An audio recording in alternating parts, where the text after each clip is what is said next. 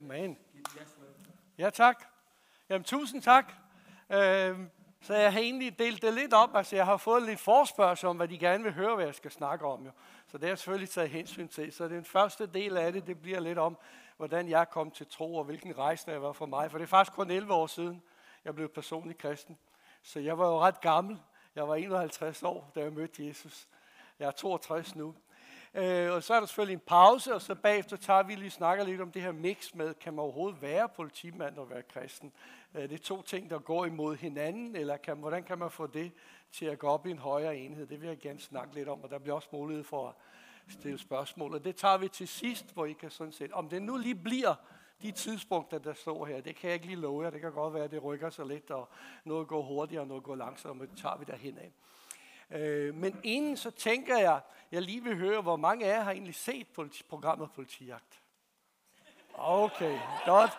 Så er jeg mere rolig, så er jeg blandt fans. Så jeg tænker, at inden, inden vi begynder, begynder at snakke om det med tondag, så skulle vi se et lille videoklip fra en af programmerne, så vi ligesom ser den side af, øh, hvem, hvem jeg er. Øh, og som øh, der var lidt ind på, passioneret, som du siger, politimand og kristen. Jamen det er rigtigt. Altså, jeg er passioneret, fordi at, øh, jeg har været politimand nu i 38 år, og jeg har ikke fortrudt det en eneste dag overhovedet. Og jeg vi, hvis jeg skulle lave det om igen, så har jeg gjort det igen. Det er jeg overhovedet ikke i tvivl om. Også nu, hvor jeg er blevet kristen, så havde jeg gjort det. Fordi der er så mange ting, at jeg, jeg får ud af det job. Der er så mange til oplevelser, jeg får, og mange ting, der sker, og møder så mange forskellige mennesker. Men så er det også sindssygt spændende. Det er det altså. Det må, kan vi, der er noget adrenalin kig over det en gang imellem. Det må vi erkende, hvis vi skal være ærlige.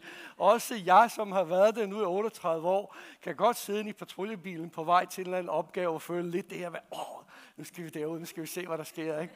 Så når jeg har nogle af mine unge kollegaer med, som er endnu mere op at køre, hvis det er første gang, de skal ud og køre patrulje, eller de lige startet, så har man den her iver efter at komme. Måske lidt ligesom, når man lige det første år eller et par måneder efter, man første gang egentlig er blevet klar over, hvem Jesus er og mødt ham, har den her passion og den der drive til, ligesom gerne vil lære ham at kende, og, og gerne vil ligesom tilbringe tid sammen og se, hvor er det, han fører ind hen. Der er lidt over det der, der de lapper sådan lidt ind over hinanden. Og jeg tror nemlig det her med, at det man er passioneret over for, det man godt kan lide, det tror jeg er noget, Gud har lagt ind i os. Øh, og hvis man kan finde frem til det sted, hvor man ligesom øh, har de gaver, de evner, man har fået, kan finde det og arbejde der, eller være inden for det område, så tror jeg virkelig, man kommer på rette hylde. Og det synes jeg selv, jeg har gjort. Jeg har mange gange brugt det her udtryk, da jeg startede ind i politiet som 25 år, så kom jeg virkelig på den rette hylde. Jeg havde nogle andre ting for inden, så det skal jeg nok komme ind på. Men lad os lige starte med at se bare et enkelt klip fra politiagt. Øh, er der nogen af her unge mennesker her, der køber knallert? Eller har gjort det? Yes. Okay, jamen så har jeg valgt det helt rigtige klip. Hvis, hvis du lige gider at sætte på pause der, så inden jeg går videre til næste slide. Ja, men der er selvfølgelig ikke nogen af jer, der kørt på den måde der, og kørt af med stukket af fra politiet, tænker jeg, en gang imellem. Ikke? Altså. Så man kan sige her, at øh, der er også lidt af det her adrenalinkick og lidt der spænding i den her den situation her. Lad mig bare starte med at sige, at den unge mand, han kommer altså ikke til skade, fordi det, det her det foregår i Kalamborg, øh, og han arbejder ude på havnen, og han havde faktisk tre, tror jeg, tre kædeldragter på, fordi det er så koldt derude, og han er ude hele tiden. Så der var han ikke engang så meget som et blåt mærke der, øh, den her unge mand. Og jeg troede selvfølgelig, at alt var galt øh, her, og det var det også jo. Han var ikke noget kørekort, det var frakendt og så videre og så videre. Men det er noget af den her hverdag, øh, som politimanden vi oplever. Det er selvfølgelig ikke hver dag, vi har sådan lidt dramatiske ting som det her, men det sker selvfølgelig indimellem. Øh, og det er jo selvfølgelig super spændende øh, job at have, men der er jo også andre ting i ens liv, så det I så får mere af i dag, det er sådan lidt mere den personlige side af mig. Fordi det her, det har været mit arbejde nu i, 8, i snart 38 år. Så hvis man kan få det til at virke. Men inden jeg ligesom går ind i det, så vil jeg sige, for mig, der er 2011, det er ligesom en, en, en rød streg i vores liv. Jeg har min kone med, Britt. Her, det er hende, der sidder der. Det er den unge dame her. Ja. Øh, det er ligesom det, der har været skændt. For indtil 2011, Øh, der, var, der var det helt andet liv, jeg havde. Og så for at forstå en lille smule af det, jeg skal nok lade være med at trætte jer med en lang livshistorie, men der er alligevel lidt baggrund, som jeg synes, der er vigtigt at vide. For det første, så er jeg født i Kroatien. Øh, og det var i 1960, og dengang der var Kroatien, det var en del af eks-Jugoslavien, så det var et kommunistisk land. Men jeg boede på landet, og der var det fuldstændig normalt, at alle i landsbyen, de gik i kirke. Der var en kirke i byen, og det var en katolsk kirke. Så jeg havde en katolsk opvækst i et kommunistisk land derhenne. Så jeg fik den katolske del, trosdelen præget af derhjemme af min mor. Men når jeg kom i skole, så blev vi undervist i den kommunistiske ideologi, og de ting, der fødte sig det. Og det var i hvert fald, undskyld, og det var i hvert fald ikke noget, der havde noget som helst med tro at gøre. Tværtimod, det så mig meget ned på, og ikke vil have, at det skulle være en del af. Så i 1969, så kom jeg til Danmark som niårig, og havde gået tre år i skole i Kroatien, og så kom jeg til øh, på Vesterbro, og jeg startede i 4. klasse, så jeg kom ind i en klasse, jeg kunne ikke et ord dansk. Jeg var den, der var to fremmedsprogede elever øh, på skolen på det tidspunkt. Der var mig, og så var der en dreng fra Pakistan. Og vi to, vi kunne intet dansk, som i intet. Vi sad inde i, jeg sad inde i en klasse, alle snakkede dansk, jeg forstod nada. Ingenting, jeg fattede overhovedet ikke, hvad de sagde. Så det var sådan lidt mærkeligt at være i skole, uden at kunne forstå, hvad det var. Det eneste tidspunkt, jeg sådan rigtig kunne være med, det var, når vi havde regning og den slags ting, fordi det havde jeg jo lært, da, da jeg var dernede. Men min dansklærer, hun øh, tog sig lidt af mig, fordi hun begyndte øh, et par gange om ugen at give mig dansk undervisning øh, efter skole en time til halvanden, og på den måde så lærte jeg dansk faktisk. Jeg fik ene undervisning af min dansklærerinde, og så selvfølgelig som barn, når man kommer ned i skolegården og er sammen med sine klassekammerater, jamen så snakker man jo, man leger sammen, og derfor kommer sproget meget hurtigere, end det måske vi gør, hvis man gik til en eller anden decideret dansk undervisning. Øhm, og jeg blev teenager, som det står her, øh, på Vesterbro, øh, og det var altså i 70'erne dengang. Og der var et par ting, der fyldte meget på Vesterbro i 70'erne. Den ene ting, det var prostitution fordi den, den nederste del af Istegade op imod hovedbanegården, det var faktisk det område, hvor de prostituerede gik rundt og tilbød deres øh, ydelser, hvis man kan sige det sådan. Øh, og derudover så var der den gamle del af Vesterbro, det var sådan meget kvarter, hvor der var studerende. Så boede der mennesker fra andet land, som kom på arbejde, de kaldte man fremmedarbejdere dengang. Øh, og så boede der ellers folk, som var arbejderklassen, rengøringsfolk osv. Det var ikke det her fashionable sted, som Vesterbro blev nu, fordi i dag, hvis du skal købe en lejlighed på Vesterbro, så skal der af med flere millioner for en lille bitte lejlighed. Og jeg har altid ærget mig over, at jeg ikke beholdt min lejlighed dengang. Den kunne jeg formentlig have solgt for 3-4 millioner i dag og tjent på. Men det gjorde jeg altså ikke. Øh, så det var ligesom det miljø, kan vi sige, jeg arbejdede i, at øh, der var den her katolske opdragelse hjemmefra, så var der den der påvirkning, der var fra den kommunistiske ideologi, som jeg har fået i skolen, og så kom jeg lige pludselig til Danmark øh, og skulle gebære mig i en dansk skole og i dansk kultur og dansk setting. Øh, det var tre meget vidt forskellige settings at være i. Så når man er teenager, så kan man godt blive, og det bliver jeg i hvert fald lidt forvirret over, hvor skal man ligesom have sine holdepunkter henne fordi der var så mange forskellige ting. Min mor ville gerne have mig en retning. Hun ville gerne have, at jeg skulle gå i kirke hver søndag, og jeg skulle ligesom være en del af det. Skolen, de trak i en anden retning øh, derhen, og så der var mange forskellige ting. Så da jeg ligesom blev lidt i jeres alder, tror jeg nok, så sagde jeg til min mor, det der med kirke om søndagen, det kan du godt glemme. Det siger mig intet, det vil jeg ikke have noget som helst med at gøre, fordi jeg fik intet ud af det. Jeg synes, jeg sad i kirken, og så sad jeg og lyttede til en præst, der talte latinsk øh, og, og snakkede noget, som jeg overhovedet ikke fattede. I hvert fald ikke et sprog, der talte til mig. Så det talte overhovedet ikke til mig. Jeg tror, jeg grundlæggende altid har haft den her tro på Gud, og at Gud findes. Øh, men ikke den her relation til det, eller en personlig forhold til det, udover bare det sådan mere kulturelle, jeg fik ind af. Så er der lidt med drengedrøm. Jamen, jeg har ikke drømt om at blive politimand. Det har ikke været min drengedrøm. Altså politiet, det var noget, jeg vil sige, jeg så ikke bort fra det, men det var ikke noget, der sådan synderligt interesserede mig eller noget. Øh, men min drengedrøm, det var faktisk at blive pilot. Fordi da jeg boede på Vesterbro, så cyklede jeg tit på min cykel øh, fra Vesterbro og helt ud til Værløse. Jeg ved ikke, om I er kendt derovre, men det er sådan en pæn lang cykeltur. Jeg tror en 20 km eller sådan noget. Og så stod jeg nede for enden af startbanen der, og så kiggede jeg på de her flyvemaskiner, der lette der. For ligesom Karup øh, flyvestation Skydstrup. Og jeg tænkte, ej, det kunne jeg vildt godt tænke mig at lave. Sidde deroppe i cockpittet og styre sådan en maskine der, og så bare give den fuld knald på. Vum så derud af, og så flyve hurtigt og sådan nogle ting. Det flyvningen fascinerede mig rigtig, rigtig meget. Så da jeg blev færdig med skolen, så tænker jeg, det skal jeg prøve. Jeg gik i noget, der hedder øh, realeksamen. Har I hørt om det? Ja, okay, det var forløberen, sådan en overgang mellem folkeskolen og gymnasiet. Og jeg tænkte, det kunne jeg godt, fordi på papiret så det ud, som om jeg havde de kvalifikationer, jeg skulle bruge. Men da jeg kom til de forskellige test, så viser desværre, at jeg nok ikke hører lyttet så godt efter i matematiktimerne. Så der skulle jeg nok være bedre, for det jeg kunne ikke bestå den, og så siger den flinke mand til mig, jamen der er mange andre ting, du kan lave forsvaret. Og det endte med, at jeg blev konstabel i herren, øh, og kom til øh, Sjællands med de slagelse, og der var jeg i tre år, og det konstabel, det er jo en professionel soldat, som det er det, hans arbejde. Øh, og jeg lærte faktisk rigtig, rigtig mange ting i den tid der. Øh, som øh, at være en værnepligtig og senere soldat. Man lærer nogle ting. Man lærer at være sammen med mennesker, og kunne holde ud af samarbejde på tværs af de omstændigheder, der er omkring en. Fordi nogle gange, så skulle man ud og løse en opgave, som man måske ikke havde lyst til, som måske var rigtig surt, fordi det var regnvejr, eller det var koldt, og man skulle drøne rundt ud i terrænet, man skulle grave skyttegrave, man skulle sløre sig, man skulle bevæge sig. Det var ikke altid, det var så spændende, men man fandt ud af det her med, at man er nødt til at løfte sin del af opgaven, fordi den hører sammen i en større sammenhæng. Og det var virkelig noget, jeg kunne bruge senere, når jeg kom øh, ind i politiet. At være en del af en større helhed. Øh, og det tror jeg faktisk også, vi nogle gange som kristne skal se os selv.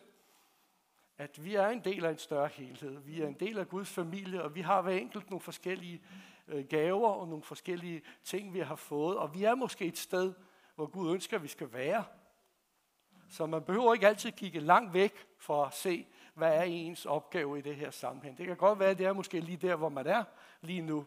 Øh, og det var noget, jeg kunne bruge det her med, at bruge det, når jeg kom ind i, øh, ind i politiet. Men på et tidspunkt, mens jeg kører som øh, chauffør, så møder jeg en af mine soldaterkammerater mig. Og øh, han var så startet i politiet. Og så siger han til mig, var det ikke noget for dig? Og jeg tænker, ah, jeg ved ikke rigtigt. Så den skrætter lidt, jeg trækker den lidt ud. Øh, om det er noget for dig, tænker jeg, det ved jeg ikke rigtigt, om det er. Øh, men alligevel tænkte jeg over, da jeg kom hjem, og et par uger efter, så gik jeg ned til Københavns politi og bankede på døren og tænkte, jeg skal bare lige høre om det her, hvad det der politi for noget. Da jeg så kom ud af døren, så jeg faktisk ansøgt om at komme ind i politiet, og startede i politiskolen et halvt år efter. Så han var god til at sælge det, ham der sad på det kontor der, det må jeg sige. Øh, og så startede jeg der, og øh, de første otte måneder foregår på skole, men jeg følte ret hurtigt, at jeg godt kunne lide øh, det, hele den her form der, og det her med at arbejde i uniform, det har jeg været vant til ved at være i forsvaret. Jo. Så for mig var det meget naturligt. Så var der også det her med skydevåben. Jamen det var også naturligt for mig. Jeg har jo haft med skydevåben at gøre, været på skydebanen, og havde et godt kendskab til, hvordan man gebærder sig med det, og hvordan man bruger de her teknikker. Så det passede mig egentlig, egentlig rigtig, rigtig godt at, at være der.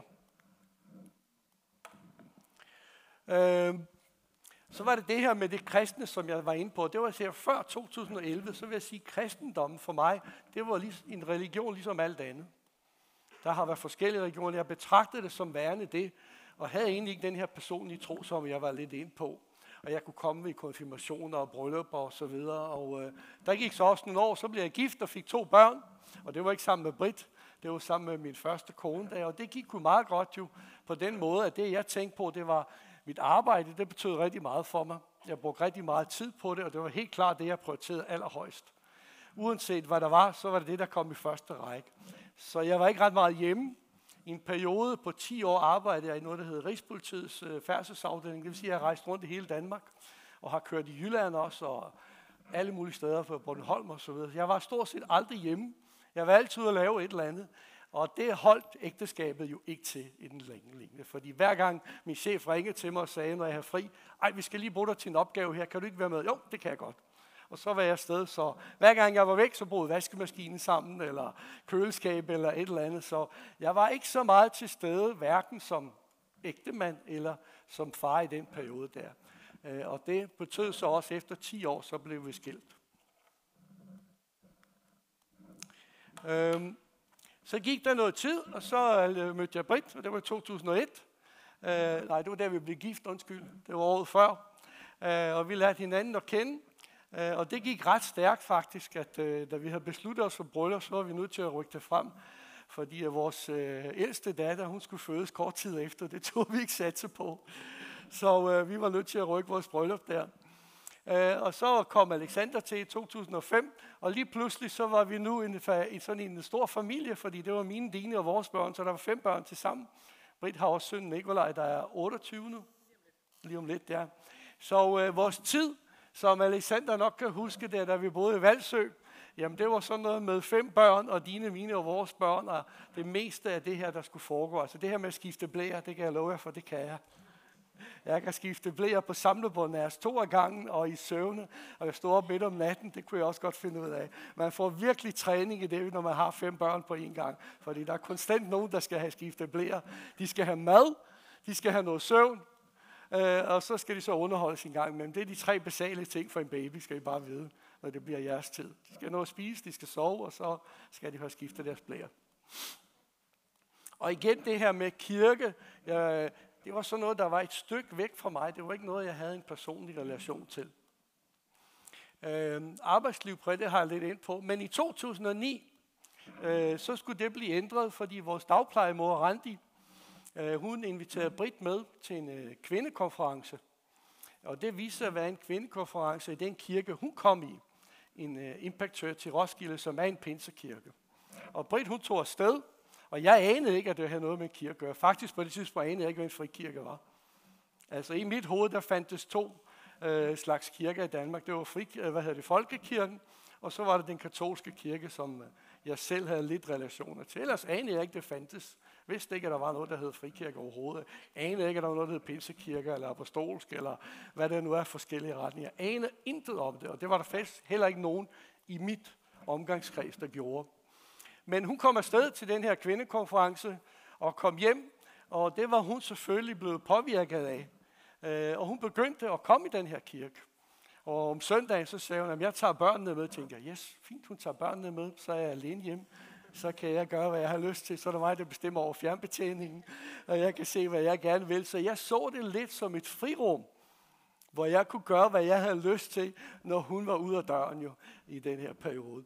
Men det skulle nok blive ændret, tror jeg. Øh, fordi sommeren 2011, som ligesom er det skilsættende for os, der var Britt en del af en connect-gruppe, der sådan en, man kalder de hjemmegrupper, eller hvad man nu kalder det omkring, hvor de mødes derhjemme og har forskellige ting. Og så en dag, hvor jeg kom hjem fra arbejde, øh, fordi dengang, der var vi i den her super heldige situation, hvor man var motorcykelpatent, som jeg var, så kunne man få lov at køre hjem på sin motorcykel og slutte og starte sin arbejdsdag derhjemme. Det var herlig tid, vi havde dengang. Man havde ikke noget spildtid eller noget som helst. Samme øjeblik, jeg kørte hjem fra at være på arbejde. Omvendt, når jeg sluttede hjemme, så sluttede min arbejdsdag. Men jeg kommer så tidligere hjem den dag, og de sidder inde i stuen og snakker, og min plan var faktisk i gang at liste mig forbi og liste mig op på første sal. Og så kunne jeg sætte mig derop og slappe af og passe mig selv, og egentlig ikke blande mig i det, der foregår nede i stuen. Men øh, Brian, som var leder af gruppen, han spottede mig lige gennem gangen, så kalder han på mig og siger, har du ikke lyst til at være med? Og jeg tænkte, ej. Det, det havde jeg faktisk ikke, hvis jeg skal være helt ærlig.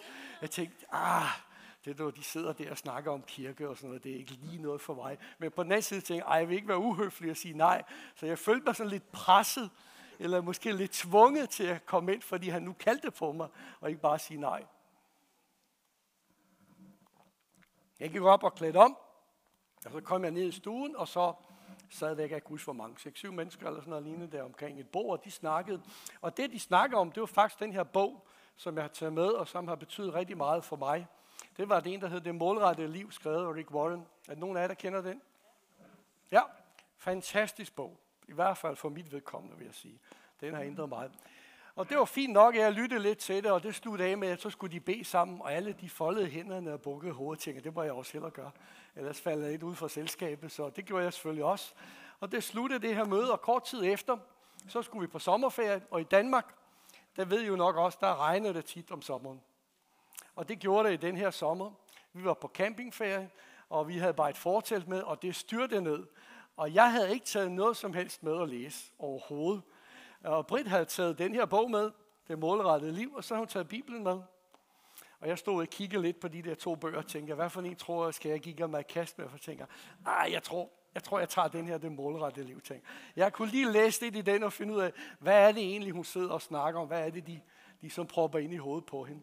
Og øh, så tog jeg bogen op, og øh, jeg vil lige læse et citat på bogen, fordi at, øh, det havde faktisk øh, ret stor betydning øh, for mig.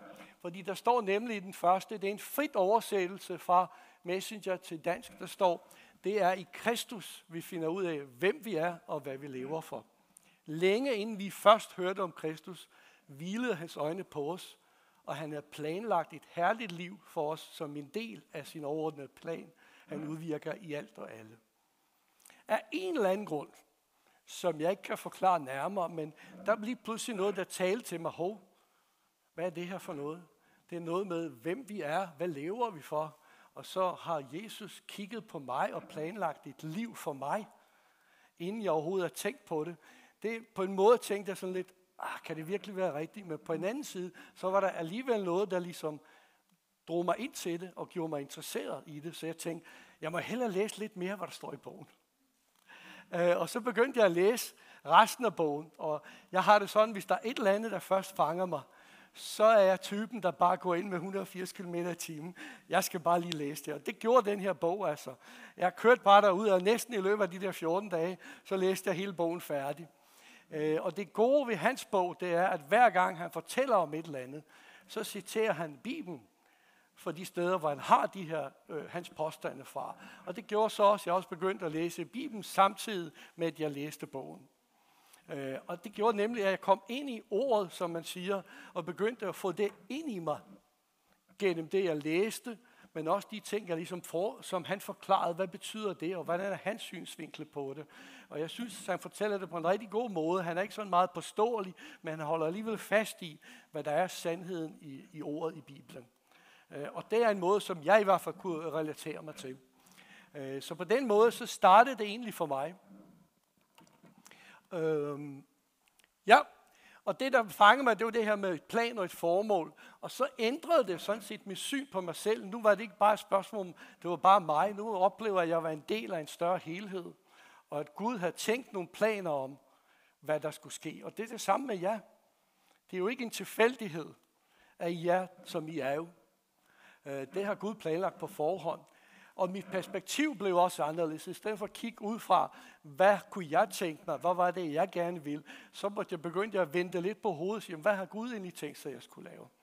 Et eksempel er det her program her, Politiagt. Altså det er jo startet, før jeg blev personlig kristen. Det var allerede tilbage i 2008, det her det sker i 2011. Og i dag er jeg ikke i tvivl om, at Gud allerede dengang vidste jo godt, at den her mulighed vil opstå, og jeg skulle blive en del af det. Og det har været med til at åbne en masse døre for mig, hvor jeg kan komme ud og øh, snakke med folk og dele min tro, og forhåbentlig være med til at gøre nogle nysgerrige på det, og selv måske tage det skridt, der er nødvendige. Så han havde været langt forud for, hvad jeg har tænkt i de ting, der skulle ske. Så det synes jeg var enormt spændende at være en del af en større helhed. Øh, da vi så kommer hjem fra ferien af, øh, det her regn, så siger Britt til ham, nu skal vi i kirke. Og så hanker hun op i alle børnene og skal pakke sammen, og så siger til ham, jeg tager med. Og så var det ellers altså bare stille derhjemme, kan jeg love jer for. Fordi det tror jeg ikke, hun havde forventet. Øh, og vi tog afsted og kom i vores øh, nuværende kirke i Roskilde Impact Church. Øh, og der er to ting, som jeg husker mest fra den her første dag. Det var nemlig den her modtagelse, jeg fik, da jeg kom i kirken. De der mennesker, de var smadret søde. Og de så helt almindelige ud. De var hverken mærkelige eller noget som helst. Det kunne være ligesom nogen, jeg har mødt i alle andre sammenhæng. Altså, jeg havde sådan en mærkelig forestilling om, hvordan ville folk være, der gik sådan op i en kirke eller en pisse. Og det blev fuldstændig malet til jorden. Øh, og de snakkede alle sammen med mig, og det lød som om, de kendte mig.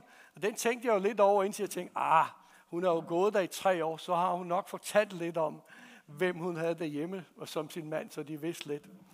Øh, den anden ting, som virkelig også øh, havde en stor indflydelse, det var første gang, vi kom ind i salen, øh, så var der lovsang, og det var noget helt andet, end jeg, hvad jeg havde været vant til.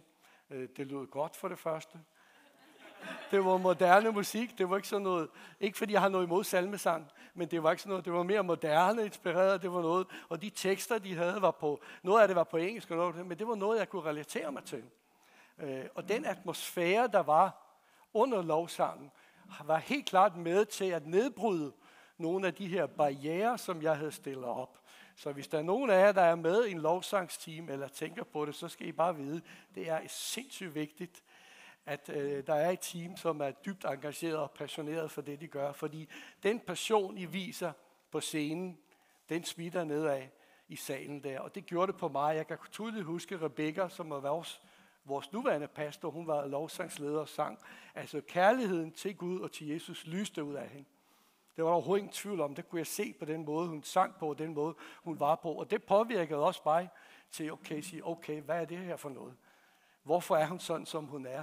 Hvad er det, der ligger bagved og gjorde mig nysgerrig i, i det, der var? Og selvfølgelig også gjorde med til, at jeg kom igen øh, næste gang, det blev søndag. Så det var ligesom to ting, der var der. Så gik der noget stykke tid, og det næste, jeg vil gerne dele, det var faktisk min første øh, åndelige oplevelse jeg havde. Og det var nemlig, det var med til at åbne det her med den åndelige dimension, som vi i vores dagligdag måske ikke tænker så meget på. At det her med, der er altså en åndelig dimension, og så er der den her, vi kan se med vores øjne, høre og føle og lugte. Øh, og det var en søndag, vi sad øh, hjemme i vores stue og spiste aftensmad, og hele familien var der, alle børnene, og Britt sad på en, og jeg sidder så der og spiser, og lige pludselig ude i gangen, så oplever jeg, at der kommer et, øh, et stærkt hvidt lys, der bare bliver kraftigere og kraftigere. Og min første tanke, det var, at jeg kigger over på de andre. Har de ikke set det? Men det har de ikke. Det virker som om, at det er kun mig, der kan se det. Jeg ved ikke, om I har haft nogle åndelige oplevelser, men tit og ofte tror jeg, at man oplever, at det er kun en selv, der måske bliver talt til. Og det blev stærkere og stærkere, og lige pludselig så ser jeg en mand, der ligesom toner ud af det her lys. Og han har fuldstændig hvidt tøj på. Det reneste hvide, du overhovedet kan forestille dig. Øh, og han kigger på mig, og han har sådan nogle, nogle dybe, rolige, men på en måde dragende øjne, og han kigger mig lige i øjnene, og så vender han sig imod mig, og så rækker han hånden ud imod mig. Og så stille og roligt drejer han bort, og så fader han ud. Og jeg sad sådan og kiggede lidt, hvad skete der lige der? Kiggede over på dem og kiggede på de andre, der reagerede overhovedet ikke. Jeg tænkte, hvad var det egentlig? Var det et syn, der så, eller er det min fantasi, eller hvad kan det have været? I dag er jeg ikke i tvivl om, at Gud valgte at vise sig for mig på den måde, og kalde på mig til at følge ham. Fordi min første tanke var, at jeg så ham, sagde, det er Jesus. Og jeg ved ikke, hvor det kom fra, fordi jeg har jo kun været en del af det her et par uger på det tidspunkt. Der. Men det er i hvert fald en klar overbevisning i dag, at det var det. Han valgte på den måde at vise sig og sige til mig, at han gerne vil have, at jeg skal følge ham. Og det var selvfølgelig med til at speede mig endnu mere op i min proces, så jeg blev engageret i rigtig, rigtig mange ting i vores kirke. Vi kom på alfakursus, kender I det? Nogen, der har på alfa? Det er rigtig godt, især når man er sådan ny i troen, som jeg var dengang, fordi det gode ved det, det var faktisk, at vi startede med at få noget mad. Og i Danmark er det altid et godt udgangspunkt til at spise noget. Og så bagefter, så havde vi selvfølgelig nogle forskellige indlæg, og øh, der havde man mulighed for at stille spørgsmål, man havde fået mulighed for at diskutere, man havde mulighed for at være uenig, hvis man havde lyst til det. Men, men det var en rigtig god platform til ligesom at få en masse ting ind, som man måske ikke har øh, snakket om før. Øh, og så er det det her med, som nu skal jeg lige holde øje med tiden lidt, så jeg ikke snakker alt for længe. Vi skal også huske, at vi skal have de andre ting med. Ja, de ting, som drog mig faktisk øh, rigtig meget, det er jo det her med formålet. Og den amerikanske forfatter Mark Twain har er citeret for at sige, at de to vigtigste dage i dit liv, det er den dag, du bliver født, to den dag, du finder ud af, hvorfor. Fordi når man ved, hvorfor man er født, så har man en mål og en retning, man kan gå efter. Og det spiller en stor rolle for mig. Og Gud har ikke skabt noget uden formål. Han har ikke skabt os, uden at han har et formål med det. Han har ikke tænkt sig, at vi bare skulle gå og drive den af her på jorden og, og daller fra den ene fest til den anden. Eller hvad det er nu, man gerne vil bygge sig. Han har tænkt sig, at der er nogle ting, han gerne vil have, at vi skal gøre. Det er nogle ting, han gerne vil have, at vi skal være en del af. Øh, og den næste, det er det her med, det er ikke mig, det drejer sig om, det er det her formål, som Gud har øh, for ens liv. Og det vil lige bare ganske kort der. Så er det det her med tilfældigheder. Jeg tror ikke på tilfældigheder. Jeg er overbevist om, at Gud har skabt universet. Han har skabt hver enkelt af jer. Han har en specifik plan med hver eneste af jer. Han har lagt nogle helt personlige gaver og evner ved eneste af os. Og de evner vil han gerne have, at vi skal bruge til det formål, han har skabt os til. Øh, og det her var en af de ting, jeg læste, det var det her med, hvem er ens forældre. Jeg har aldrig tænkt på, at grund til, at jeg blev født, det var fordi min mor og far øh, kom sammen, og så fik de et barn. Men jeg har faktisk fundet ud af, at det er faktisk omvendt. Gud har udvalgt min mor og far, fordi han vidste, at de to personer vil give de gener, som jeg har. Så det er ikke forældrene, der har udvalgt det, det er Gud, der har udvalgt det. Og uanset om man har begge sine forældre, eller den ene af dem, eller hvad det er, så er det faktisk ligegyldigt. Fordi det er Gud, der har udvalgt dem til at danne jer, sådan som I er. Så der er intet tilfældigt i det, det er meget specifikt tværtimod. Og hvis man ved lidt om gener, og hvordan de er struktureret, så er det en meget, meget kompliceret proces. Det er ikke bare noget, man gør. Man skal virkelig have øh, styr på rigtig, rigtig mange ting.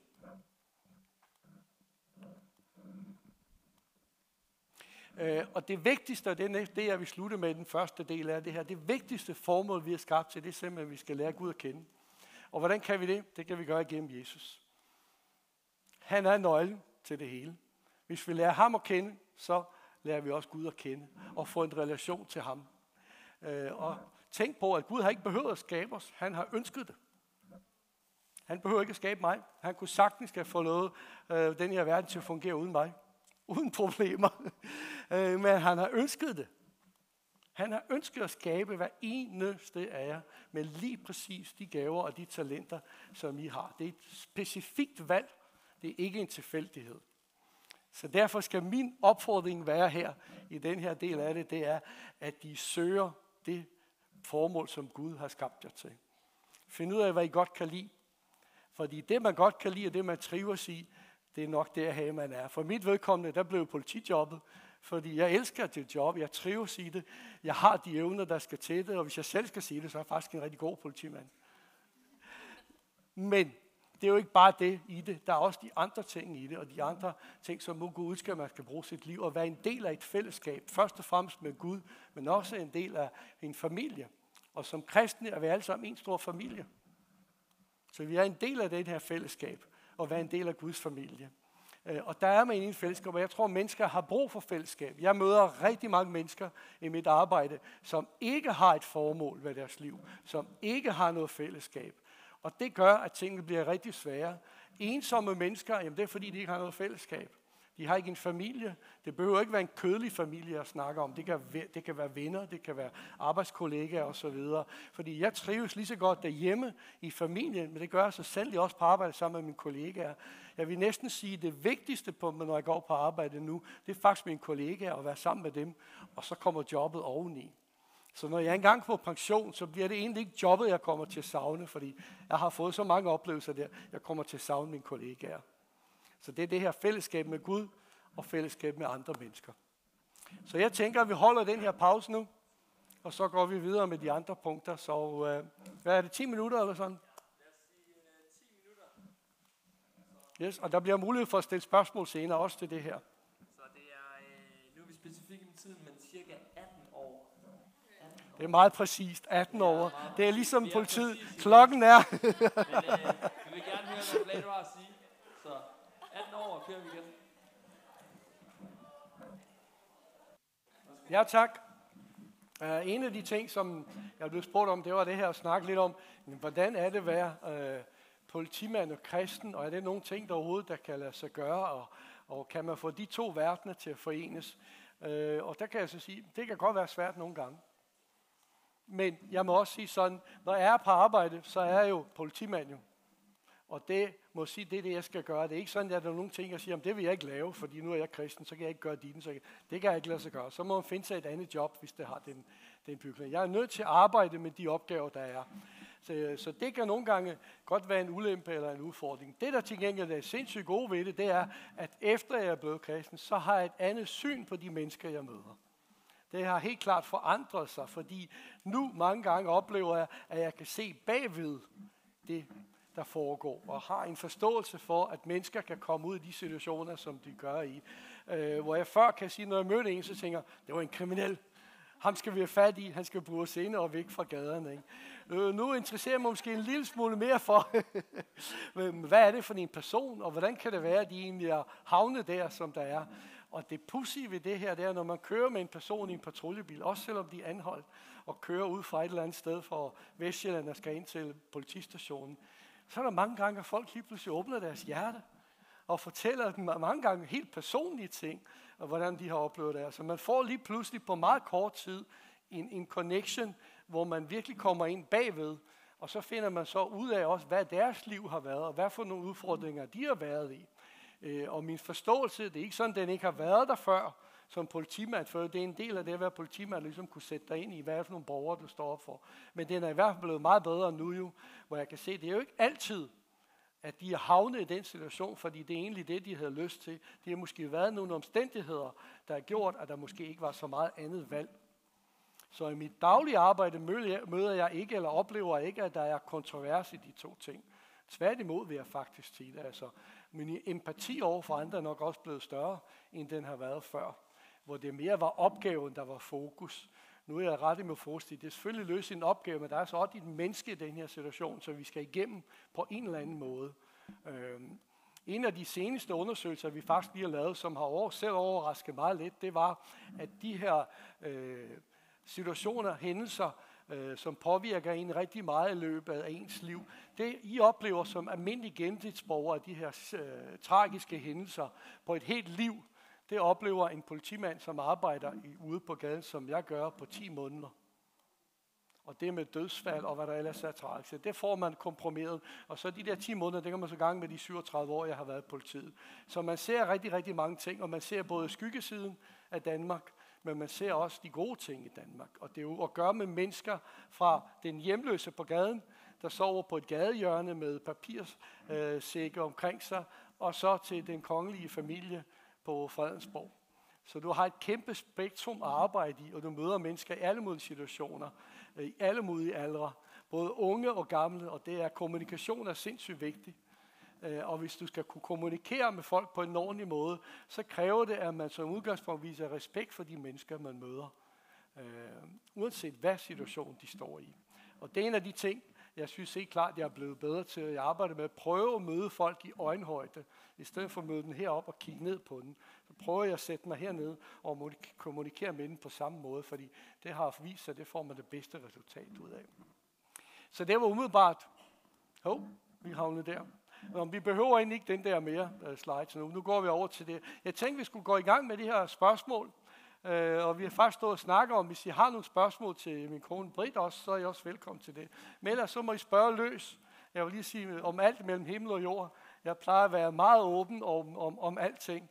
Så øh, bare fyre løs, det kan være både om mit arbejde, men selvfølgelig også særdeleshed om det er min tro, så er det noget, jeg tænkt over, eller noget, jeg har sagt, som jeg tænker, den forstår jeg ikke lige her. Og hvad tænker du om det, eller, eller hvad I nu har? I skal bare fyre løs og være fuldstændig følger fri til det hele. Du var meget hurtig med fingrene. jeg har bare pynset om, der var nogle, jeg ved ikke, man skal sige, succeshistorier, hvor du har fået lov til at dele noget evangelie med nogle af dem, du har været ude og tage i et eller andet, eller ja. ja Ja, Jamen, jamen øh, jeg vil sige, øh, det har der faktisk været. Der, kunne I alle sammen høre hans spørgsmål? Ja. Der blev spurgt om det her med, om der havde været nogle successager på arbejde, hvor jeg har haft mulighed for at øh, dele evangeliet eller fortælle om Jesus. Øh, det vil jeg gerne svare på, men først vil jeg give jer fortælle jer noget, jeg selv har oplevet som er lige drejer sig om det her. Det var for mange år siden faktisk, før jeg blev kristen. For en dag, så var jeg køre patrulje på min motorcykel syd for Roskilde, og jeg kommer kørende tilbage med politistationen, og imod hvad der kommer tre, jeg kan ikke huske om tre eller fire motorcyklister kørende, og jeg tænkte, det er nu rocker. Den skal vi have stoppet. Ind til siden med dem omkring, og det skal vi lige tjekke, hvad er det for nogle gutter, hvad laver de, og har de kørekort og så videre. Da jeg så kommer hen til dem, så kan jeg se på ryggen af dem, der er et kors, og så viser det sig, at det er en kristen motorcykelklub, der er kører. Så jeg fik en rigtig god snak med dem, og fik tjekket kørekort, og de var hverken påvirket eller noget som helst. Og så da vi skulle til at køre derfra, så siger en af gutterne til mig, må vi ikke bede for dig? Og jeg stod sådan lidt, hvad? øh, og inden jeg nåede at sige noget som helst, der var de altså hurtige. Så stod der lige en kreds omkring mig og lagde en hånd på min skulder og sådan noget. Så stod de og bad for mig. Og så kørte de. Og jeg stod der fuldstændig sådan lidt rundt forvirret og tænkte, hvad skete der lige der? Nå, tænker jeg, okay, fint nok. Jeg satte mig op i motorcykel, og så kørte jeg videre. Og det var altså over før jeg selv blev kristen. Og det er bare for at sige det her med, at det her med, at man så et korn. Øh, og det kan godt være, at jeg dengang ikke tænkte så meget over det. Men der er ingen tvivl om, at der blev så et eller andet på det tidspunkt ved det her møde med de mennesker, der tog den her chance og stå og bede for en politimand ud på landevejen syd for Roskilde. Ikke? Så nogle gange er man, må man godt være lidt formodig og man spørger, for de spurgte det, men inden jeg nåede at svare, så gjorde de det alligevel. Så det, det har været så, det godt så. Ja, jamen, øh, om jeg selv har haft mulighed for det, jeg vil sige, jeg har ikke bedt for nogen direkte, men der har været situationer, hvor jeg snakker med folk, som det her med med personlige forhold. Jeg kan huske en, som var dybt alkoholiseret, og som jeg har haft stoppet flere gange. og vi snakkede lidt om, hvordan kan det være, og hvordan går det i dit liv. Og på et tidspunkt, så kom vi faktisk ind på, jamen siger han til mig, hvordan kan det være, at du selv ikke, der ikke er noget? Jamen, det er fordi, jeg har Gud i mit liv. Nå, siger han så, hvad er det så for noget? Og så begyndte vi at snakke om det. Så jeg tror, det er om at, om at gribe chancen. Det er ikke mod, jeg er ikke typen, der kommer hen til en eller anden og siger, nu skal du høre om Jesus. Jeg vil gerne bygge en relation op først. Fordi hvis du lærer folk at kende og har en relation til dem, så får du også indflydelse på dem. Og når der er den her gensidige respekt, så kan man, til at komme, så kan man snakke med hinanden om de ting, der fylder ind. Hvis der er nogen af jeres kammerater, øh, der finder ud af eller ved, at I er kristne, bundt gang spørg om det, så er det det, jeg skal slå til. Hvis de spørger, hvad er det for noget med din kirke, det der, eller sådan noget, så har jeg altså chancen til at fortælle. Så skal jeg altså være frimodig og dele det, som I oplever, at I skal dele det øjeblik der. Fordi så har de selv åbnet op for det. Jeg går ikke ind i vagtstuen og siger, Nå dreng, nu har jeg været i kirke i dag, og nu skal jeg høre, hvad søndagsprædiken er. Det gør jeg ikke, men jeg oplever til en gang, at en kollega kommer til mig og spørger, hvad er det for? Har du været i kirke i dag? Ja, så de her, Nå, hvad snakker I så om? Så kan det godt være, at jeg fortæller lidt, hvad jeg synes, øh, jeg har oplevet den dag. Der. På den måde, så får man det her ind i det. Yes, der var en mere, der havde fingret op. Det var her.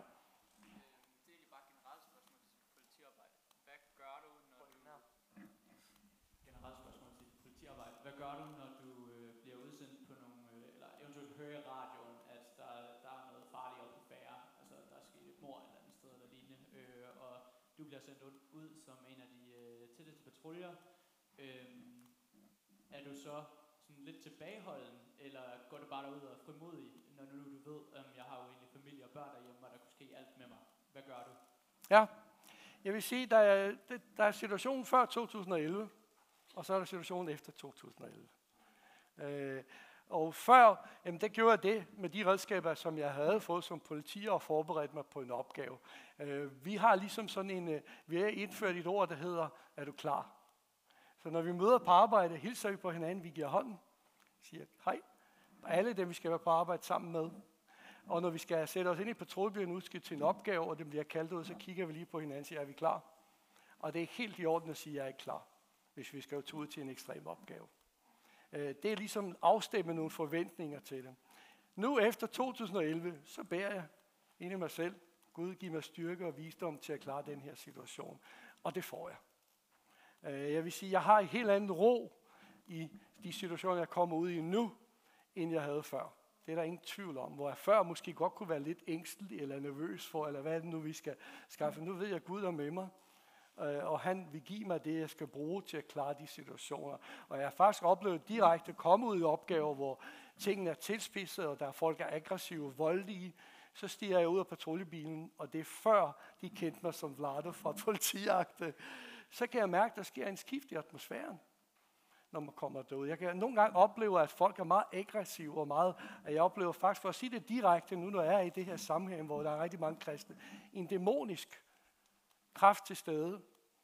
Øh, og der beder jeg bare ind i mig selv, om at Gud skal fjerne det, sådan, så vi kan komme til at udføre den her opgave. Fordi det er der nogle gange, når folk er påvirket af narko, de påvirker alkohol, eller de er ekstremt voldelige, fordi de er en, et sammenhæng, en setting, hvor det er vold er en vigtig del af det, så er der noget efter min mening åndeligt ind over det, som ikke er sundt. Og det skal vi som kristne gå imod, og det kan vi gøre, at vi beder til Gud om at gøre det, fordi vi kan ikke gøre det. Gud kan gøre det. Så i dag er det det med bryst og fremmest. Men selvfølgelig også, når jeg er sammen med mine kollegaer, og jeg ved, at jeg kan stole på dem. Mange af dem, jeg er sammen med, har jeg arbejdet med i mange, mange år. Så det er sindssygt vigtigt for mig, at vi kan stole på hinanden, og det er det her kollegiale samspil, uanset hvad der sker. Øh, jeg har aldrig været i en situation, hvor jeg har trådt et skridt tilbage endnu. Tværtimod er jeg nok det, der går frem mange gange. Men det, jeg er sådan en person, vi skal have gjort noget ved det her, og vi skal gøre noget i den her situation. Og det kan både være i den menneskelige relation, men selvfølgelig også det rent politimæssige arbejde. Var det nok? Ja, yes. Så er spørgerunden slut. Nå, der var lidt der. Yes. Har du nogensinde været ude for at, at stoppe nogen på kirken af, og eventuelt skulle anholde eller, eller give bøde? Jeg har, ikke, jeg har ikke prøvet at stoppe nogen, en, nogen fra kirken endnu. Det har jeg ikke. Jeg undskyld, anholde nogen. Men jeg har stoppet nogen indimellem. Altså det her med at køre for stærkt, det ligger heller ikke så fremmed for kristne mennesker. Det gør det ikke, og det tror jeg, det, det er rigtig mange, der har det her. Jeg har faktisk vores, en af vores pastorer, han er rigtig glad for at køre stærkt.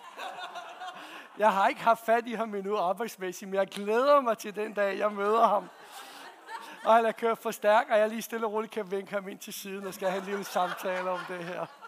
Jeg elsker ham. Han, er rigtig, han har betydet rigtig, rigtig meget for mig i min udvikling som kristen. Men jeg synes, det kunne være sindssygt sjovt at stoppe ham en dag og sige, Nå Bruno, det var vist ikke så godt. Nu du kører lidt for hurtigt her. og så se, hvad der sker. Så jeg har faktisk kun haft, kan vi sige, positive oplevelser af det. Men skulle det ske, så har jeg altså et job at passe. Øh, jeg har været ude for nogle gange og skulle have stoppet folk, som jeg kender øh, i forskellige sammenhæng. Og der har jeg ofte gjort det, så har jeg sagt til mine kolleger, jeg kender ham der, den tager du lige. For det, det er ligesom noget, vi er fast i. Hvis det er nogen, man har tætte relationer til, så er det bedst, det er den anden, der gør det. Så der er ikke nogen misforståelse om, at de får lov at slippe, fordi man lige kender ham eller sådan noget. Det, det går selvfølgelig ikke. Det vil være pligtforsømmelse fra mit vedkommende at behandle folk anderledes, bare fordi jeg kender dem. Hvis det er en situation, hvor man godt kan give en påtale, så gør det jo ikke noget, for det vil jeg gøre i hver anden situation. Jo. Men hvis det er noget, man siger, at jeg er nødt til at gribe ind, så kan jeg selvfølgelig ikke gøre det. Uanset hvor godt jeg kender dem, uanset om det er min egen familie, så er jeg nødt til at sige, så er der andre, der ligesom skal overtage her.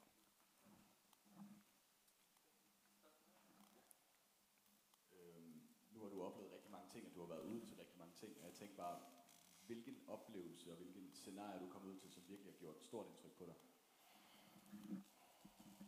Det er, det er et af de spørgsmål, jeg tit får, og det er faktisk sindssygt svært at svare på, fordi der har været så mange oplevelser, som jeg nævnte før, det her med, at de her oplevelser, som vi får gennem hele livet, dem får vi på 10 måneder. Ikke? Så der er rigtig, rigtig mange dybt tragiske og meget ærgerlige og situationer, som slet ikke kan forstå. Hvorfor skal et barn på 8 måneder dø, for eksempel? Det, det kan man simpelthen, det er jo fatligt jo. Og selvfølgelig påvirker det en øh, i den situation, man er i. Og der er det vigtigt, at vi er åbne over for det, som jeg siger til mine kollegaer noget, jamen, man skal være åben for, at man bliver påvirket af de her dybt tragiske hændelser, fordi det vil være unormalt, hvis du ikke gjorde det. Altså hvis du kører ud til færdsuheld med dræbte og alvorligt til skadekommende, og du fuldstændig var upåvirket, så vil sige, at der er noget galt med ham. Ham bliver vi i hvert fald nødt til at lige kigge lidt på, øh, hvis du ikke bliver. Selvfølgelig bliver du påvirket, men man skal nødt til at være ærlig og erkende, at følelser er med i spillet. Det er da klart, og hvis når man er forældre og har børn, Øh, og komme ud til nogle situationer, hvor nogen på samme alder som mine børn er, så kan man selvfølgelig ikke lade være med at drage paralleller til, hvad nu hvis der var ens eget barn, der var. Og så tænker jeg ofte, at jeg vender om og siger, så vil jeg ønske, det var de kollegaer, der kom derud, at de tog sig af den her sag, som jeg vil gøre det i den her situation. Og det stoler jeg øh, fuldt og fast på, at de vil gøre. Men det er også vigtigt at lægge det fra sig, at man ikke tager det ind til sig. Og en af måderne, det er, at, at når man har været i situationen, så siger jeg gerne til mine unge kollegaer, der, lad være med at tage mere ind til dig, end du har behov for. Altså, kom ud til en pårørende, der skal underrette om mit dødsfald. Jamen, sorgen er ikke din. Den er deres. Du må gerne vise medfølelse og empati i den situation, men sorgen skal du ikke tage på dig. Jeg skal ikke gå hjem og tænke over, åh oh, nej, hvor var det forfærdeligt, det skete, og sådan noget der. Fordi så kan du ikke have det her job. Du er nødt til afsluttende at sige, nu har jeg gjort, hvad jeg kan. Det bedste, jeg kan i en situation, så kan jeg ikke gøre mere. Resten, det må jeg overlade til dem. Det må jeg overlade til Gud tage sig. Det kan jeg ikke gøre noget ved. Og igen, når du bliver påvirket, for det gør du, tag imod den hjælp, der er. Øh, vi snakker sammen. Jeg har mange gange, jeg har været med, der hedder kollega støtter kollegaordningen, hvor vi fik noget supervision i det. Og det vil sige, at andre kollegaer har mulighed for at komme til mig eller andre, hvis de gerne vil snakke om nogle ting, som de ikke ønsker at snakke med ledelsen om. Så kan de komme til os, og så skal vi snakke om, det kunne netop også er, hvad de har oplevet. Og så vil jeg ud fra mine egne erfaringer øh, prøve at hjælpe dem til at komme videre, og er det nødvendigt, så kan vi blive visiteret til at få decideret psykologhjælp. Og jeg har selv modtaget det en gang også, psykologhjælp, efter et, et, en drabsag faktisk, som jeg var den første, der kom ud til. Det var så ekstremt og så voldsomt, at man kunne slet ikke forholde sig til det. Jeg var totalt tænkte, hvad skete der lige der? Det, det kunne jeg slet ikke. Øh, og så er det godt at erkende at sige, at jeg har brug for noget hjælp for at komme videre. For ellers så kan man ikke fortsætte med det job.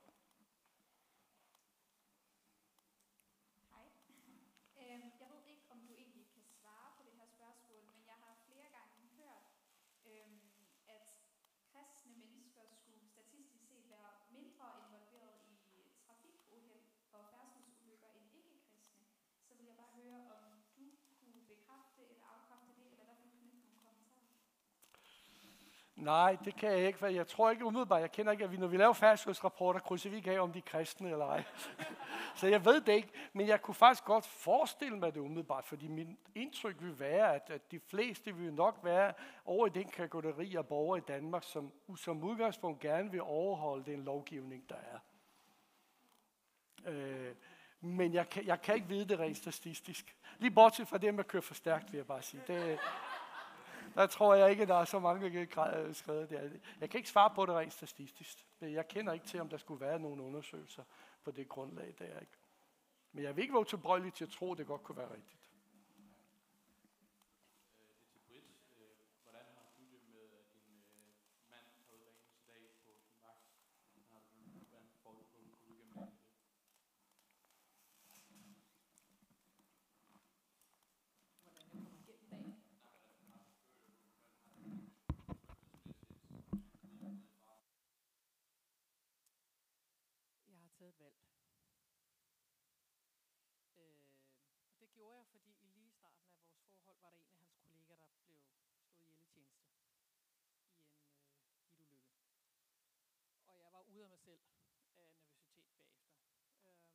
Valgte jeg dengang, hvis vi skulle kunne leve sammen, for jeg ikke skulle gå helt spåner, og stole på, at han kunne passe på sig selv. Dengang var der ikke nogen af os, der kendte Jesus. Men jeg valgte at sige, at jeg ønskede at være sammen med ham. Og derfor var jeg nødt til at slippe den ængstelse og stole på, at han var uddannet nok, og var viden nok, og klog nok, og forsigtig nok til at passe på sig selv. Øhm, vi har så indført en lille regel alligevel, som giver os begge to brug, fordi han skal jo stå ude midt i en situation, hvor han ser, der er en, der kører hammerne stiv, og jeg, jeg skal hjem nu. Det, det, det nytter ikke Så vi har lavet en aftale, der hedder en halv time. Har han med speed? Det er ikke fordi, jeg skal kontrollere det, for jeg skal få ro på, og han skal få ro på. Så hvis han ved i forvejen, han bliver mere end en halv time for sent, så giver han bare lige en sms eller en ring. Jeg overvejer det. Øh, der sker et eller andet så ved jeg, at jeg skal ikke rende rundt og tænke, nej, ja, hvor er det? Uh, bare ikke ske noget. Nej, du må slet ikke være bekymret. Så vi har en aftale, og jeg har dengang taget valg. Og efter jeg så kom til tro, så har jeg lagt det hele over skud. Ja, det vil jeg godt lige supplere en lille smule her også og sige, at jamen, nu skal vi ikke øh, gøre det meget dramatisk, men selvfølgelig er der nogle faresituationer. Igen min politikræver, jeg har jeg mistet tre kollegaer på arbejde. Alle tre i trafikulykker. Øh, og det er jo en risiko, fordi når man kører ud på vejene, som vi gør så mange gange, så er der selvfølgelig risiko for, at vi også bliver involveret i ulykker. Og det kan både være under udrykningskørsel, men det kan også bare være ganske almindelig kørsel, når man er så meget ude i trafikken. Altså jeg kører omkring mellem 20 og 25.000 km om året på patrulje, hvor hovedparten er på motorcykel. Så man er selvfølgelig mere udsat, end de fleste andre borgere er øh, i de her situationer. Men Jensen siger, at vi har jo uddannelsen til det, og i og med, at jeg beskæftiger mig rigtig meget med trafik, så har jeg den erfaring, at mange gange kan forudse de situationer, der opstår. Men jeg har været med at ligge et par gange på motorcykel. Det, det er næsten umuligt at undgå, når man kører. Den har to hjul, og der skal ikke ret meget glat ud på vejene, så vælter man på. Jeg har kun haft et uheld, hvor jeg kom til skade, og hvor vi har smadret min hofte, men den øh, klarede jeg også, øh, uden de større men efterfølgende. Ikke? Så, øh, det er ikke sindssygt farligt, men man skal heller ikke undervurdere det.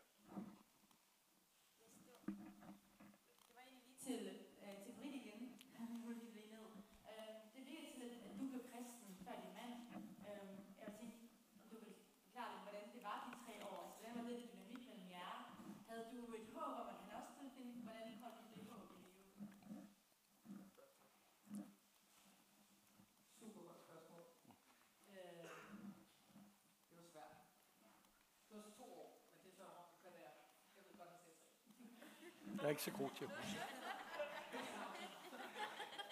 Det var, det var svært, fordi øh, jeg kom fra en, som jeg kalder, almindelig folkekirkekristen familie. Jeg har været med til noget børnegudstjenester i, i den lokale folkekirke, men det er ligesom niveauet. Jeg kendte ikke til det at have en personlig tro. Så når jeg, og mit vidnesbyrd er en helt anden, og det har vi ikke tid til at leve, men så da jeg træder ind i kirken til den her kvindekonference, jeg skal bare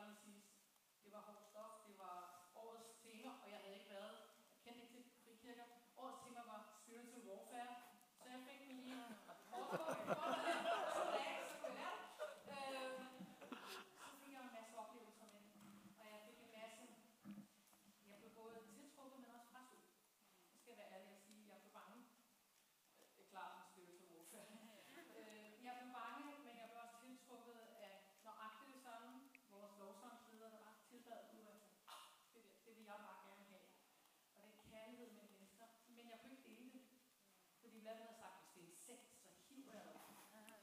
Jeg kunne ikke dele mine oplevelser, jeg kunne ikke dele mine frustrationer, jeg kunne ikke dele mine spørgsmål med ej- andet end dem, der var i kirken. Og dem kendte jeg ikke nok til, at jeg følte, at jeg ville dele mit liv fuldt ud. Øh, så det var to år med en masse nyt og spændende. Forestil dig, at du har noget, der bobler ind, du gerne vil fortælle, men du kan ikke incident, den, hvor der er til.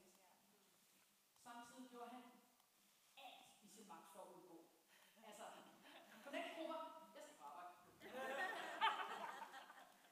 Vi holder julefest. Ej, ved du hvad, det er sørme ærgerligt, bilen går i stykker, jeg skal på arbejde, og nej, det kan jeg heller ikke.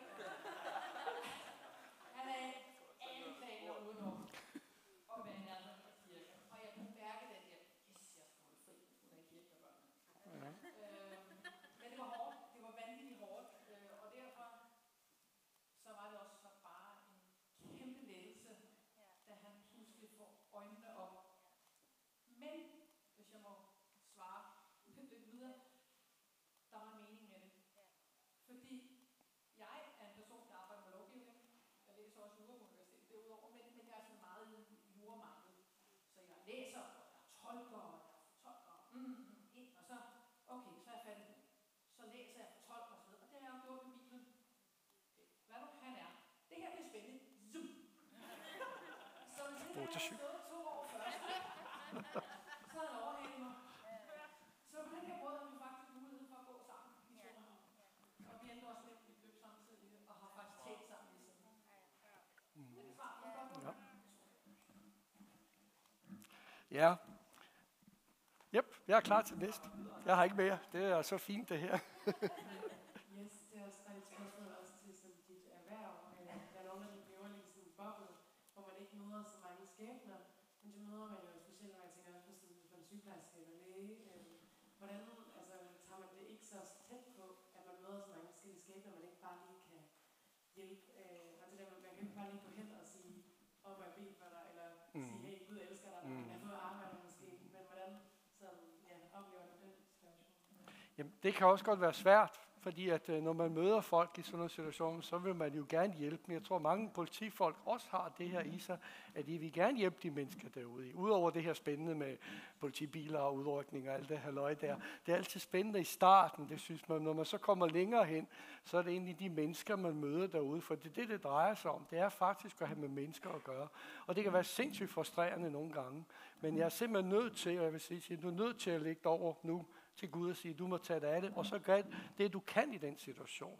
Nogle gange har jeg taget en snak med dem, fordi så kan jeg sige, okay, hvis du er misbruger, jamen så kender jeg nogen til, hvor, der er behov, hvor man kan få hjælp som misbruger, har nogle kontakter, og vi har forskellige visitkort med. Og der har jeg nogle gange været med til at etablere kontakt på den. Jeg kan også mærke nogle gange, nu dem jeg har fat i, har påvirket dem, den situation, ved, så de har ændret øh, deres øh, liv på en måde. Altså bare et lille kort eksempel. Jeg ved ikke, hvor lang tid vi har tilbage og vi har lidt tid nu. Det var en, øh, faktisk den allerhøjeste promille, jeg nogensinde selv har haft fat i. Den var på 3,37. Det er en ekstrem høj promille, vil jeg bare sige til jer.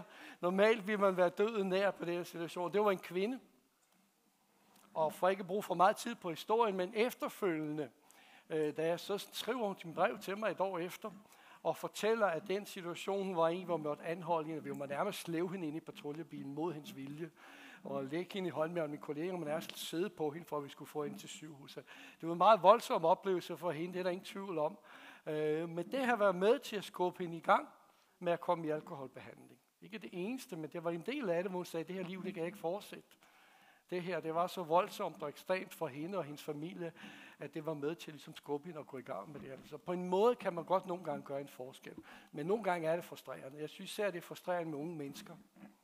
En af de meget kedelige ting øh, ved Danmark er, at øh, vi er et af de lande, som har den højeste selvmordsrate for unge mennesker. Og så kan man finde ud af at tænke lidt over, hvorfor har vi det? Og der er selvfølgelig mange ting bagved. Men en af de ting, som jeg tror, der er, det er nemlig mangel på fællesskab. Fordi når du er i de situationer, hvor du føler dig alene, der er ingen, der kan hjælpe dig, alle omstændighederne omkring dig, du kan ikke gøre noget til dem, så kan man komme så langt ud, at man vælger den her ekstreme løsning af selv at begå selvmord. En af de første opgaver, jeg faktisk husker politi, det var en 17-årig dreng, som havde hængt sig. Øh, og jeg kunne bare se den, den, øh, det en tyngde af sorg og modløshed, der var i den her familie. Jeg sad og stod og kiggede på hans tegninger på hans bord. Det var sort på sort på sort på sort, hvor han sidder inde i en hule med, med hænderne op over hovedet og så videre. Det var tydeligt at se, at han havde ikke noget, han havde ikke noget liv, han havde ikke noget fremtid, han havde ikke noget håb. Og det jo det, der desværre drev ham. Han havde ellers en meget ressourcestærk familie, men der var bare ikke noget bånd imellem dem. Desværre i den situation. Yes.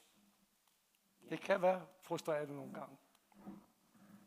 Øhm, hvor tit på sådan en vagt, øh, får du måske bedt en bøn, så hvor tit kan du, øh, får du sådan sidde i bilen eller på motorcyklen og bede en bøn, når du er ude på vejen? Ja, jeg tænker ikke på det som en eller anden specifik stund, fordi jeg oplever i hvert fald nu, at det konstant er i baghovedet på mig. På en måde. Så det er ikke sådan, jeg tænker, Nå, nu skal jeg lige bede en bøn der. Det kan lige pludselig ind i hovedet på mig at se, at jeg er på vej til et eller andet, tænker, okay, her, der er lige opmærksom på det her situation. Men det er ikke sådan, jeg tænker, nu, nu, nu skal jeg lige have en lille bønnestund. Det er det ikke. Jeg oplever, at det konstant er en del af mig. Øh, og der er ting, der dukker op i hovedet på mig, hvor jeg bliver menet om. Det kan være en prædiken, det kan være et bibelcitat, det kan være et eller andet, jeg har hørt eller læst om i et eller andet sammenhæng, hvor det sjovt nok mange gange passer rigtig godt ind i den situation, jeg står i, pussy nok. Ikke? Øh, og det er simpelthen, tror jeg, det er Helligånd, der arbejder ind i hele tiden. Ikke? Så det er ikke sådan en meget specifik situation for mig. Altså, øh, min øh, gamle pastor han havde sagt, at hvis du bare snakker med nogen, så er du sådan set også i bøn. For det er jo en samtale, du har. Du taler ud fra dig, fra din en, øh, intuition til med sammen med et andet menneske. Så er du i forbindelse med Gud deri, hvis du føler den. Så for mig er ikke sådan en specifik stund. Jeg får det som er en kontinuerlig del af det. Nogle gange mere fremtrædende end andre gange. Oh, det er åbenløst for mig. Yes. Hvor er vi henne? Yep, det er rart at se på dem, der taler. Men jeg er lidt nysgerrig på, øh, nu ved jeg ikke, hvor tit det er relevant, men altså, der er jo som politimand, tænker jeg, at, at man kan blive nødt, eller man bliver nødt til at bruge vold i nogle situationer, og også fortsætte på ret seriøst vold. Har du gjort dig nogle tanker i forhold til, til det, og samtidig at være kristen? Ja. Ja, jamen der er ingen tvivl om, at som politier skal du engang med øve, udøve magtanvendelse i forskellige former. Langt de fleste situationer giver det sig selv, fordi det er dem, der starter. så er man nødt til at forsvare sig selv, at man skal gennemføre en anholdelse. Og vi har ligesom en, en procedure, der hedder, at vi skal prøve at snakke til folk. Det vil sige, fortæl dem, nu er du anholdt. Du skal have håndjern på, vente om, du skal have håndjern på, sæt hænderne osv. Og hvis de følger den anvisning, jamen det gør de mange gange, så går det stille og roligt. Hvis de ikke gør det, så er vi nødt til at gå et skridt videre og måske tage fat i dem og bruge førergreb, eller komme endnu længere frem, så skal vi bruge vores peberspray osv. Jeg har heldigvis aldrig været i en situation, hvor jeg har måttet trække mit våben og give skud mod nogen. Øh, og det synes jeg er problematisk. Øh, jeg ved ikke, hvordan jeg vil reagere. Jeg tror umiddelbart, at det er situationen, der for mig vil være bestemmende. Jeg tror ikke, at det er den situation, jeg vil være i tvivl øh, om jeg skal gøre det eller ej. Jeg har været i nogle situationer, hvor jeg måtte afgive varselskud, fordi at jeg skulle sige, nu stod de med et våben i hånden, nu skal jeg så forstå, nu er det alvor. Og der er de heldigvis mit våben fra sig, så jeg ikke behøver at gå videre til det næste skridt. Men jeg ser ikke nogen modsætning i det, fordi jeg repræsenterer, øh, kan vi sige, Øh, den myndighed, der skal udøve i den her situation for alle andre borgers sikkerhed. Lad os bare tage et eksempel, hvis der er sket et skyderi mellem banderne, og vi skal ud og have anholdt en person. Det har jeg faktisk været med til en gang, hvor han havde våben for sig, men han smed den. Men jeg vil ikke være i tvivl om, hvis han begyndte at trække det våben op imod mig, så er det mit eget liv, der får far eller min kollegas. Og der ser jeg ikke nogen modsætning i det, i den situation der. Jeg hedder Mathias, og øh, først tak for et øh, dejligt vidensbyrd. Det er virkelig dejligt at høre. Øhm, du sagde, du var 51, da du, du blev kristen, øh, og jeg kan ikke lade være med at tænke på, at det er jo sådan...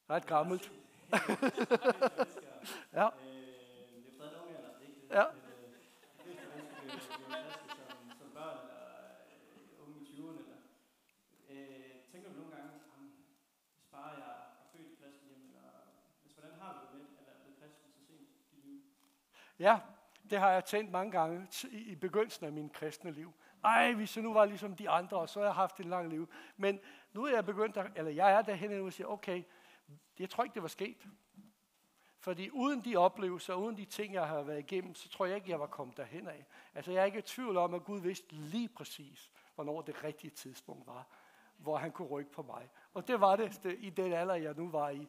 Så jeg har det ikke sådan, at jeg nu fortryder alt det, der er sket forud. Det gør jeg ikke, fordi jeg har levet et liv med de muligheder og de valg, jeg har taget dengang. Og det må jeg forholde mig til. Det har så også gjort mig til den person, jeg er. Men det har også gjort mig, at jeg kan relatere mig til folk, der ikke er kristne. Og forstå nogle af de tanker, de har, og de holdninger, de har til nogle ting. Så det giver mig en fordel der. Øh, så jeg ser det ikke som et, øh, et problem for mig umiddelbart nu. Jeg må bare bygge videre. Nu må det bare gå bare lidt stærkere for mig. Øh, for nu er end, end, end det gjorde i starten. Yep. I forhold til jeres børn, og at I er kommet til tro, hvordan, øh, hvordan ser det ud i forhold til det, I leverer videre til jeres børn? Nu har I snakket om, at det er både dine, mine og vores børn. Ja. Jamen, nu har vi en anden til stede jo, så nu skal jeg lige tænke mig om, hvad jeg skal sige. Nej, altså min holdning har altid været det, at vi vil gerne vise, hvad vi står for og hvad vi er, men det er deres valg. Man kan ikke tvinge nogen til at tro på Gud. Man kan ikke tvinge nogen til at følge. Det er et valg, man er nødt til at tage. Og mit allerstørste ønske vil være selvfølgelig, at alle vores børn, de valgte at følge Jesus. Det er der ingen tvivl om, det vil vi rigtig gerne. Men det er det ikke for dem alle sammen. Men jeg er heller ikke i tvivl om, nu nogle ting, de har oplevet sammen med os, at være en del af vores kirke, mens de var børn, at det er nogle korn, der så ind i deres liv, og på et eller andet tidspunkt, så vil de frø vokse, når det rette tid er for dem. Og det er det, jeg lige svarede på før det her med, men det skal være det rigtige tidspunkt i deres liv, der det skal komme jo. Det er ikke noget, vi kan tvinge Jeg er meget imod, at man skal presse nogen til noget som helst. Jeg, har, jeg mener ikke på noget tidspunkt, vi har sagt til vores børn, de skal med i kirke nu, når de har mod for det. Men vi har bare sagt, at vi tager vi i kirke, vi tager vi afsted, og så tager vi den med. Også mine børn fra mit første ægteskab, de har været sammen med os. Det gør de ikke nu, men det er mit inderlige håb og bøn, at det vil ske en dag. Men det overlader jeg til Gud at styre. For jeg tænker, at han kender den bedre, end jeg gør. Og han ved, hvornår tiden er for dem til at træde det skridt fra videre.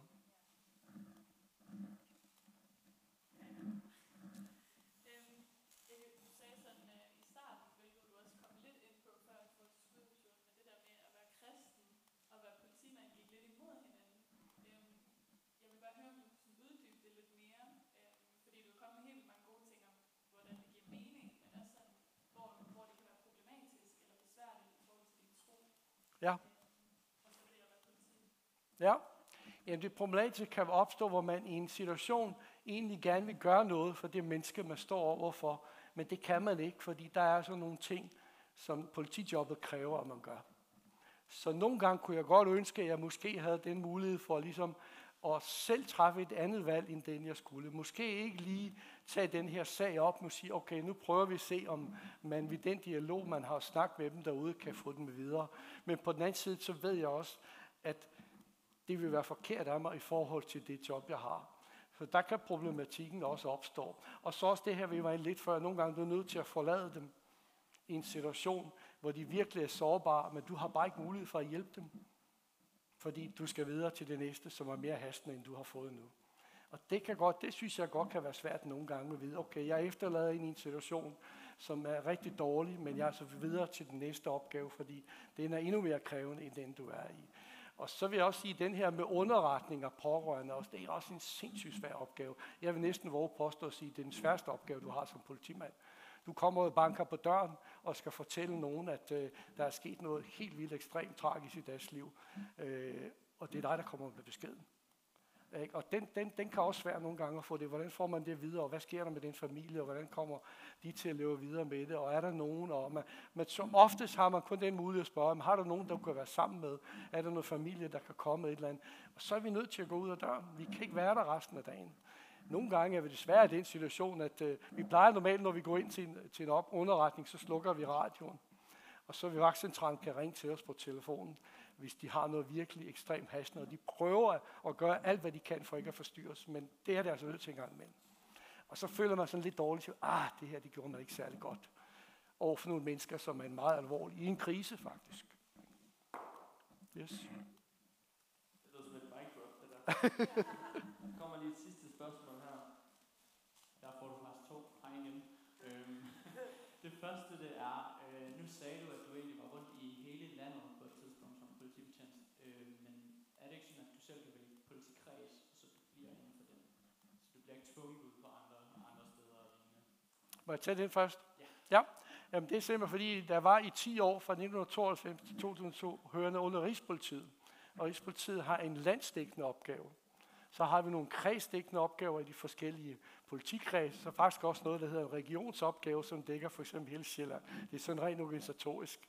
Så der arbejder jeg i hele Danmark, overalt fra Gæsser til Skagen og Jylland. Og jeg plejer altid at spørge, når jeg holder politifart, om der er nogen her i Jylland, der kan huske, at jeg har stoppet den.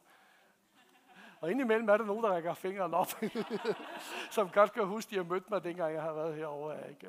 Så det er bare sådan rent organisatorisk.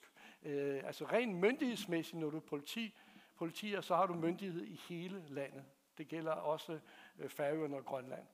Det er en del af den danske stat, så er du politimyndighed i hele den her område. Der er ikke nogen forskel. Det er ikke ligesom USA. Du kun må være i dit eget distrikt, så må du ikke være politi. Og sådan fungerer det ikke i Danmark. Vi har et nationalt politi. øhm, og det andet spørgsmål, det er egentlig bare interesse. Øh, det er helt anderledes. Det er, hvordan har du det med at have et øh, kamerahold i ryggen, når du er ude på aktioner, øh, når Discovery Plus de lige hiver fat i dig og tænker, Ja. vi godt filme noget mere?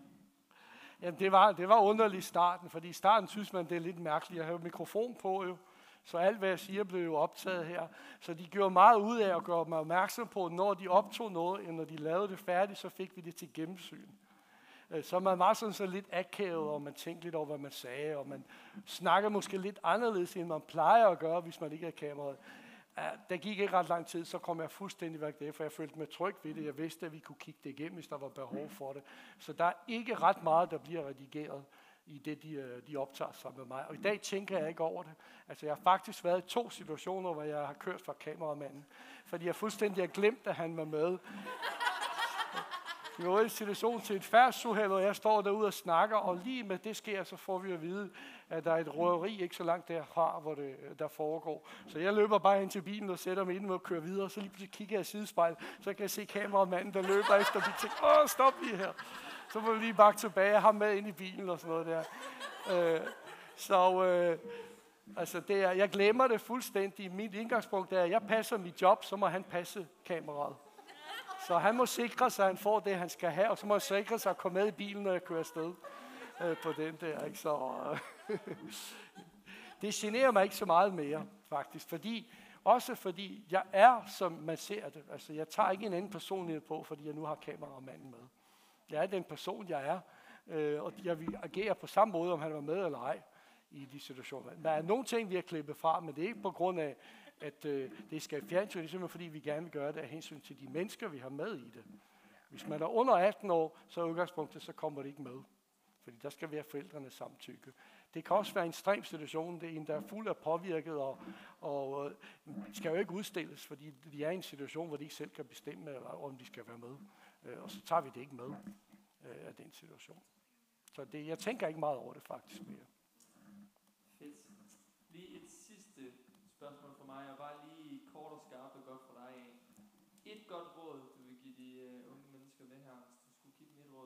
Et råd. Det, det er meget enkelt. Det er Jesus. Simpelthen. Jamen, det kan, det kan siges i et ord. Altså, lad ham at kende. Find ud af, hvad han har for jeres liv. Så er I på rette spor.